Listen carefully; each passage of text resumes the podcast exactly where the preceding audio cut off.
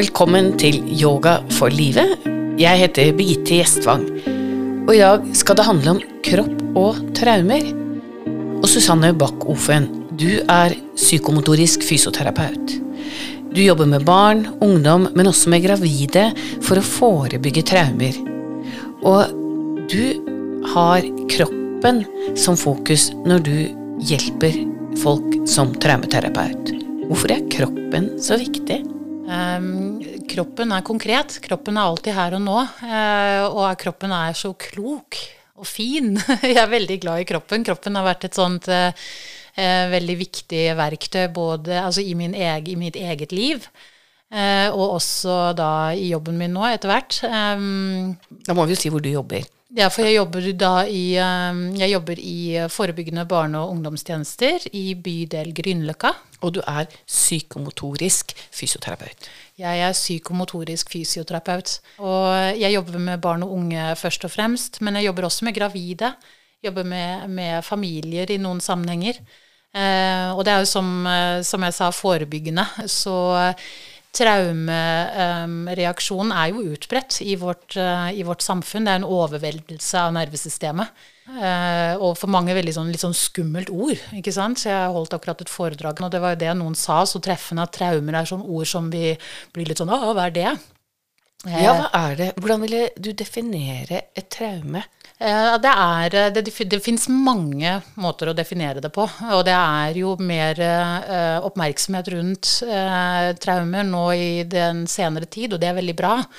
Eh, men en definisjon som jeg syns kan fungere, og nå vil jeg gjerne huske hvem, hvem, det er som har den definisjonen, kan jeg bla litt i den her boka? Ja, du blar i en bok som heter Utviklingstraumer.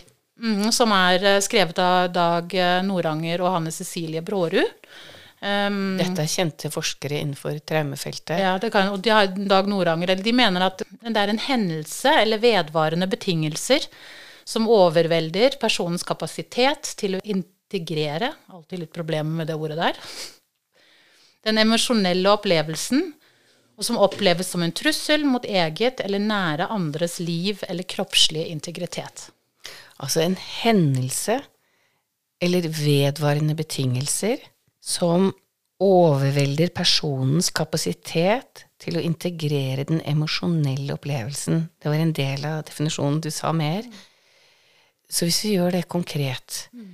Altså, jeg kan oppleve noe helt konkret. Det kan være en situasjon, traumatiske dødsfall, en ulykke, eh, alvorlig sykdom som rammer meg brått, mm. eller en skade. En ulykke, ikke sant. Ja. Krig, eh, krigsopplevelser. Disse eh, traumene med stor T er det noen som snakker om. Eh, som eh, Eh, og helt klassisk så har man vel eh, sett på, um, på traumer også som en sånn post-etterkrigsreaksjon, at man har forbundet det sterkt med det. Um, det som man har um, kommet frem til nå, det er jo at det er også disse vedvarende traumene man uh, kan være utsatt for. Uh, og det kan være i, i, oppveksten, når omsorgspersoner som uh, skulle være den trygge trygghetspersonen, ikke mest makter å være det. At det da over tid er en traume. Ja, ikke sant. Så det, er, det kan være å vokse opp med rusforeldre eller ja omsorgssvikt. Mm. Så det kan både være plutselige hendelser, men det kan mm. også være vedvarende, og det sto det vel i denne definisjonen du leste. Mm. Men poenget ditt var jo da at jeg, hvis vi skal snakke om at jeg er traumatisert, vi har vel alle vårt i bagasjen, altså at jeg ikke har kapasitet til å håndtere det. Det er vel det du sier. Fordi man kan jo oppleve traumatiske hendelser, men samtidig så kanskje av en eller annen grunn takler jeg det, og så blir jeg ikke traumatisert. Mm. Det er jo litt viktig skille, ikke sant? Det er et kjempeviktig skille, og det er det som gjør det så kanskje litt komplisert også, er jo nettopp det. ikke sant? At vi, det, det, er veldig forskjellig hvordan vi mennesker reagerer på, på disse hendelsene. Og det er litt vanskelig å si på forhånd. Og det er også noen ganger ikke helt lett å forstå så med en gang, ikke sant. At det kan være så forskjellig. Og det er det som er at vi Nå er ikke jeg traumepsykolog, jeg er, eh, men jeg er jo da psykomotorisk fysioterapeut og har eh, denne, denne, tilnærmingen gjennom kroppen. Det er ofte veldig kroppslig, eh, de reaksjonene. Men også hører jeg ofte dette eh, følelser av hjelpeløshet og sant, opplevelsen av kaos og, og sinne, gjerne, som preger, eh, preger eh, reaksjonene, da. Så det um, Konsentrasjonsvansker? Ja, og også noe med at, eh, at det er um, noe veldig Det er ganske høy energi i den type reaksjon. Eh, ikke sant? Når, når vi, dette, det er jo en stressrespons.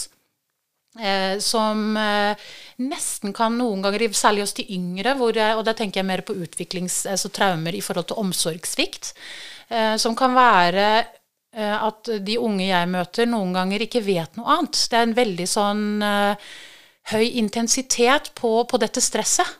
Eh, så det er hele tiden en sånn dragning mot det, det, det stresset og det ukontrollerbare, den kampen, da, den fight and flight, fight and flight-reaksjonen eh, som, som eh, en traumereaksjon ofte innebærer, en opplevelse av kaos og, og, når vi sier fight or flight, det er jo mange som ikke helt vet hva det er. Altså at man snakker om at når man utsettes for et traume, så har vi en eh, Kroppen vil overleve. Mm. Og fight altså Det er enten at man slåss mm. eller, eller, flykter.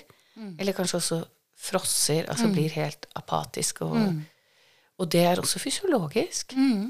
Det er jo en uh, måte nervesystemet vårt reagerer. Og Dag Noranger uh, snakker jo om det bl.a. at, uh, at det er noe som heter toleransevindu, som kanskje er en av de viktigste modellene i forhold til det å forstå traumer. Og at vi um, har et vindu hvor vi er eh, rolige, vi er i stand til å kommunisere, vi føler oss trygge, vi kan lære. Vi er, eh, vi er regulert, da. Og så går det litt opp og ned i dette, dette vinduet. Eh, og det gjør det hos oss alle. Det er, det er altså det vinduet blir på en måte Av og til er, tolererer jeg veldig lite. Det er det du sier når det går opp og ned. Og av og til kan jeg tolerere mye. Ja, og også at eh, noen ganger så, noen ganger så blir jeg mer stressa. Jeg får en, en respons hvor, hvor, hjertet slår fortere, muskulaturen spenner seg, pusten går fortere. Eh, jeg beveger meg fortere. Det er en stressrespons som, som er det derfor det er det jeg mener med opp, da. og ned så er det mer ikke sant, at vi Um, at jeg er rolig, at jeg, er, at jeg, kan sove, at fordøyelsen fungerer som den skal ja, på den måten jeg mener at det går opp og ned. Jeg skjønner. La oss si jeg er i en situasjon som tilsynelatende ikke er farlig. Men så er det kanskje bussjåfør som snakker hardt til meg, eller at det er en jeg syns ser, ser, ut som himmelig med øynene når jeg skal si noe. Og så kan det vekke en enorm reaksjon. At det blir veldig dramatisk i meg. Mm.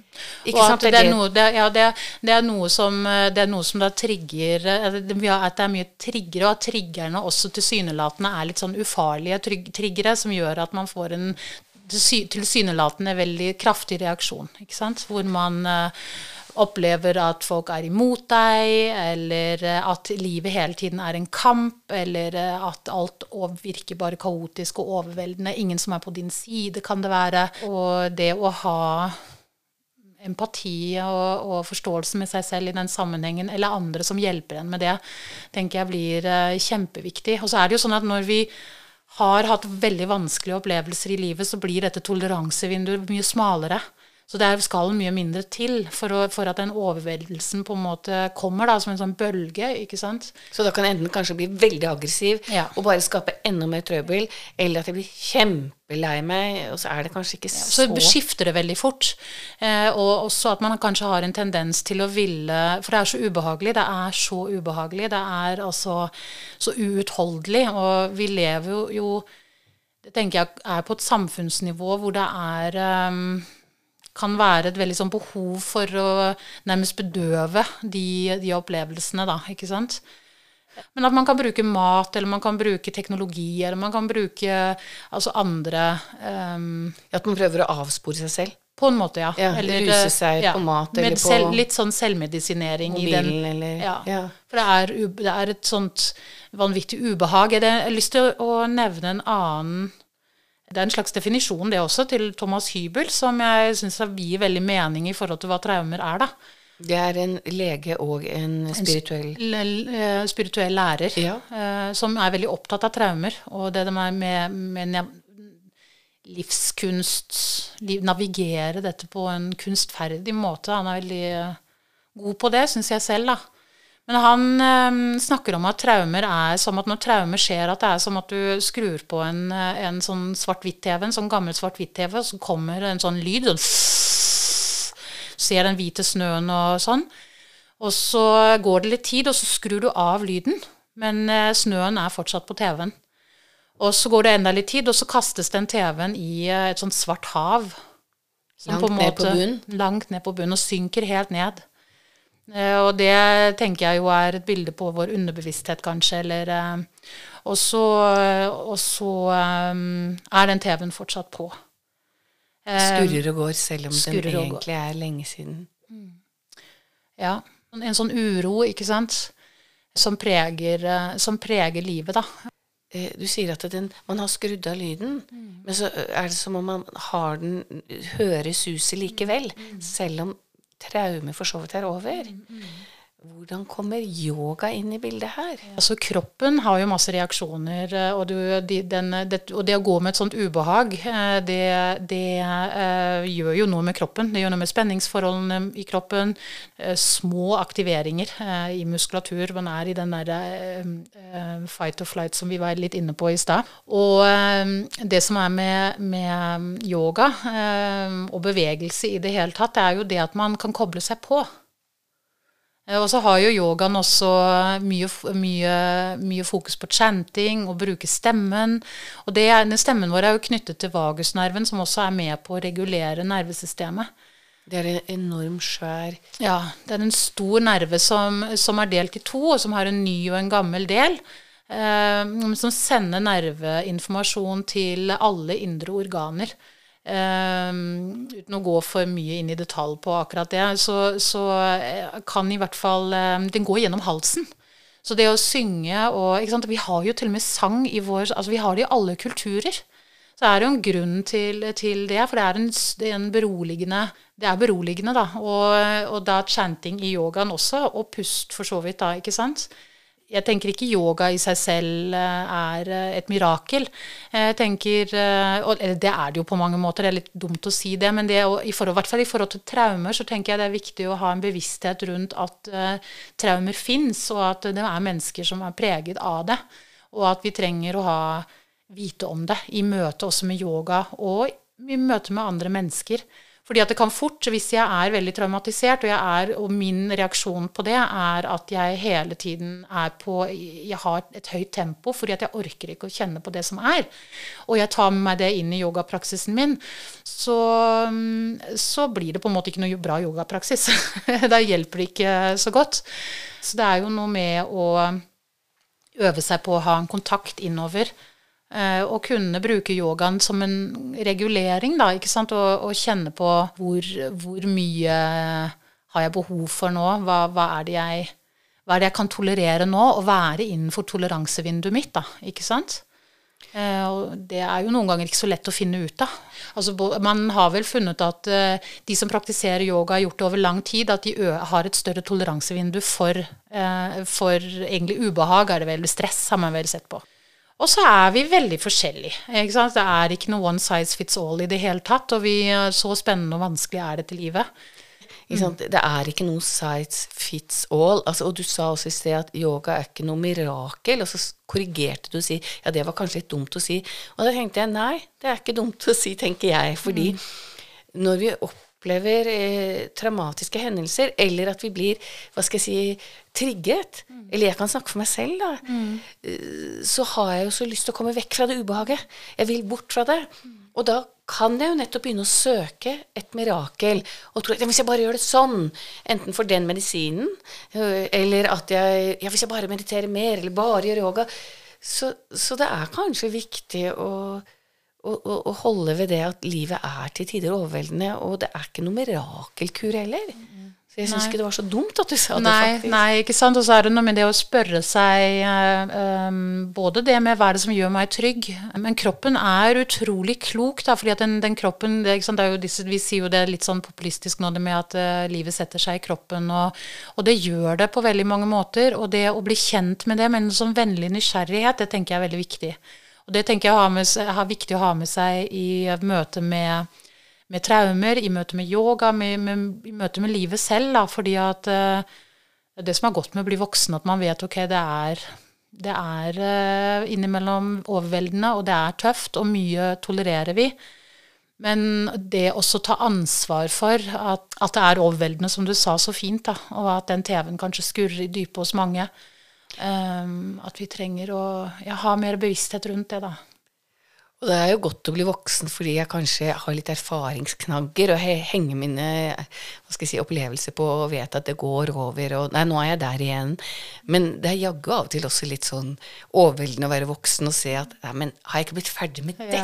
Ja, ja, jeg føler meg av og til som en liten jente som igjen går inn i store dramaer. Mm, så, så, det kan være litt skuffende. Ja, det kan bli litt skuffende. Altså. Men nå tenker jeg mer sånn Når jeg sa det, så mente jeg mer sånn i jobben min da, at jeg, det, jeg har veldig tro på denne kommunikasjonen er nervesystemene. Det, med, det, er jo det er noe som heter polyvagalteorien til Stephen Porges, heter han vel.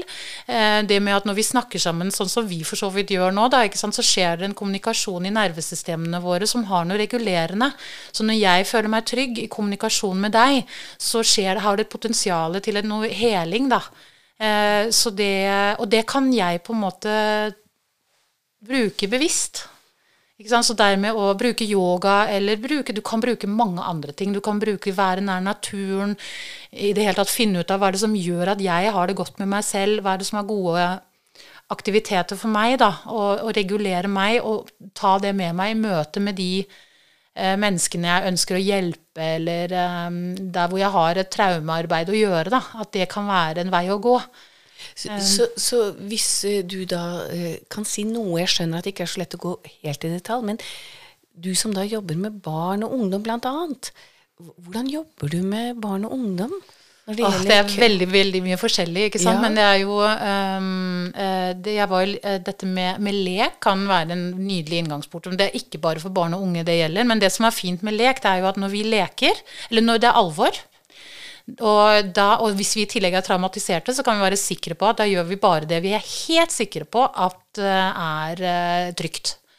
Og da, hvis det da er mekanismer som absolutt ikke er så godt fungerende, da, så kommer vi oss ikke ut av det der. Da holder vi på med de samme sånne dramareaksjonene, eller hva, hva er vår, vår, måte å holde på. Uh, for min del så er det f.eks. at fordi at i min familie så har det vært alltid sånn at vi spiser veldig fort. Og jeg har skjønt at det er, det er, sånn, det er for så vidt mye som ligger der.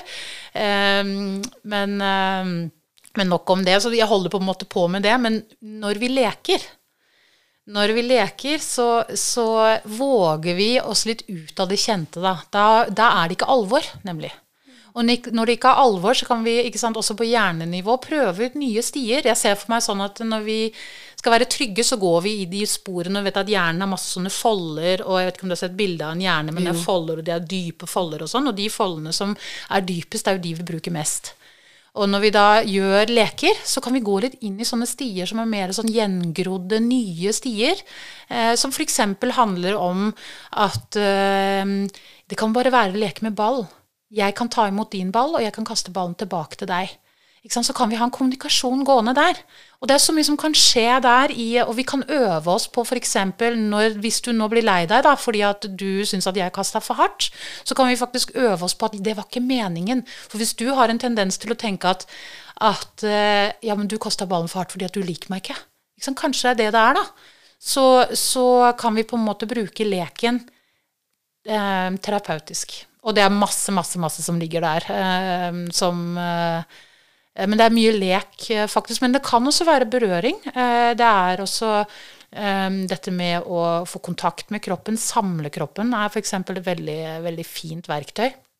Og når du sier samle kroppen? Det er eh, Hvordan skal jeg forklare det som bare med ordene? Men hvis man bruker eh, Det bruker jeg faktisk på datteren min når jeg, hun ikke får sove. Så er det noe som heter kroppsavgrensende grep. Og det er at du holder rundt kroppen. Eh, altså begynner med foten. Holder foten i he, begge hender med, med, håndflatene og trykker. Rett og slett. Jeg ja. ser du gjør det nå rundt ja. håndleddet ditt. Ja. Holder, trykker. Og så går du oppover leggen og holder, trykker sammen.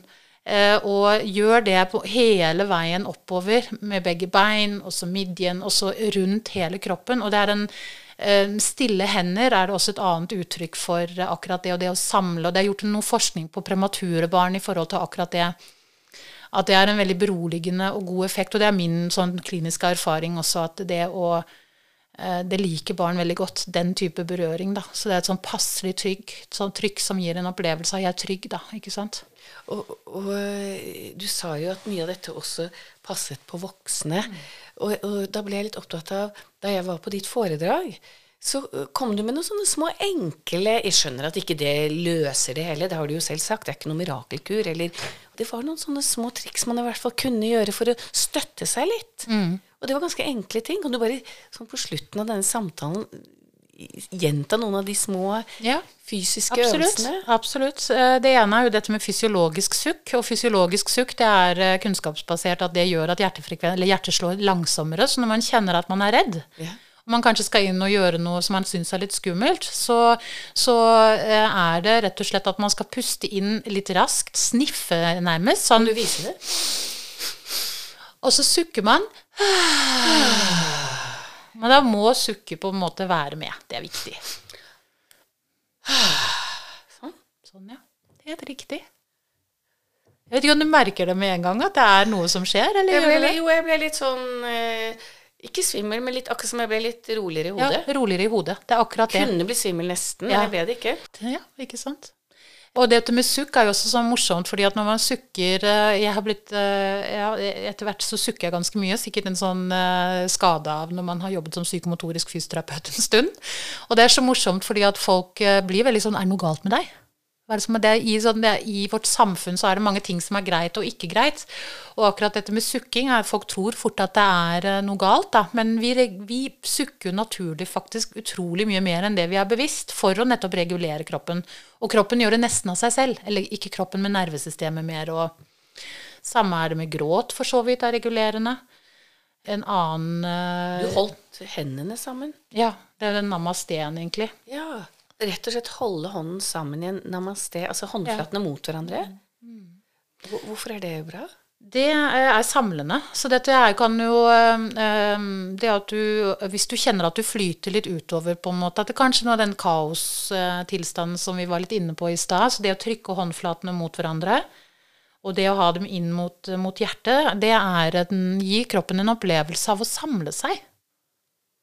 Og tingen er med disse her, eh, med disse her eh, triksene, som du sa, det er at uh, ofte så er det dessverre sånn at når det gjelder som mest, så er det veldig fort å glemme det. Og da må man ikke bli sur på seg selv og bebreide seg selv for det.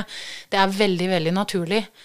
Men jeg tenker at når man øver seg i fredstid, var det noen som sa. Så når vi sitter her nå og øver oss, eller kanskje dere som hører på, øver dere på litt sukk, ikke sant.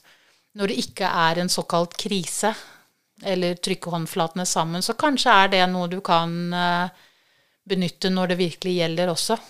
Eh, det tenker jeg også er viktig å ha med seg, for livet er jo ikke noe Jeg syns det er litt fint dette med at livet er ikke et problem som skal løses, men det er et mysterium som skal leves. Det er noe med det også. Og det kan jo passe som en avslutning på denne episoden av Yoga for livet, nemlig at livet er ikke et problem som skal løses, men et mysterium som skal leves. Tusen takk for at du var med i denne podkasten, Susanne Bakkhofen, psykomotorisk fysioterapeut. Takk for at jeg fikk være med. Du har hørt en episode av Yoga for livet, og jeg heter Birgitte Gjestvang. Denne podkasten finner du på Spotify, Apple Podkast eller også på Nøsens hjemmesider nosenyoga.no. Yoga for livet. For de som tør å puste.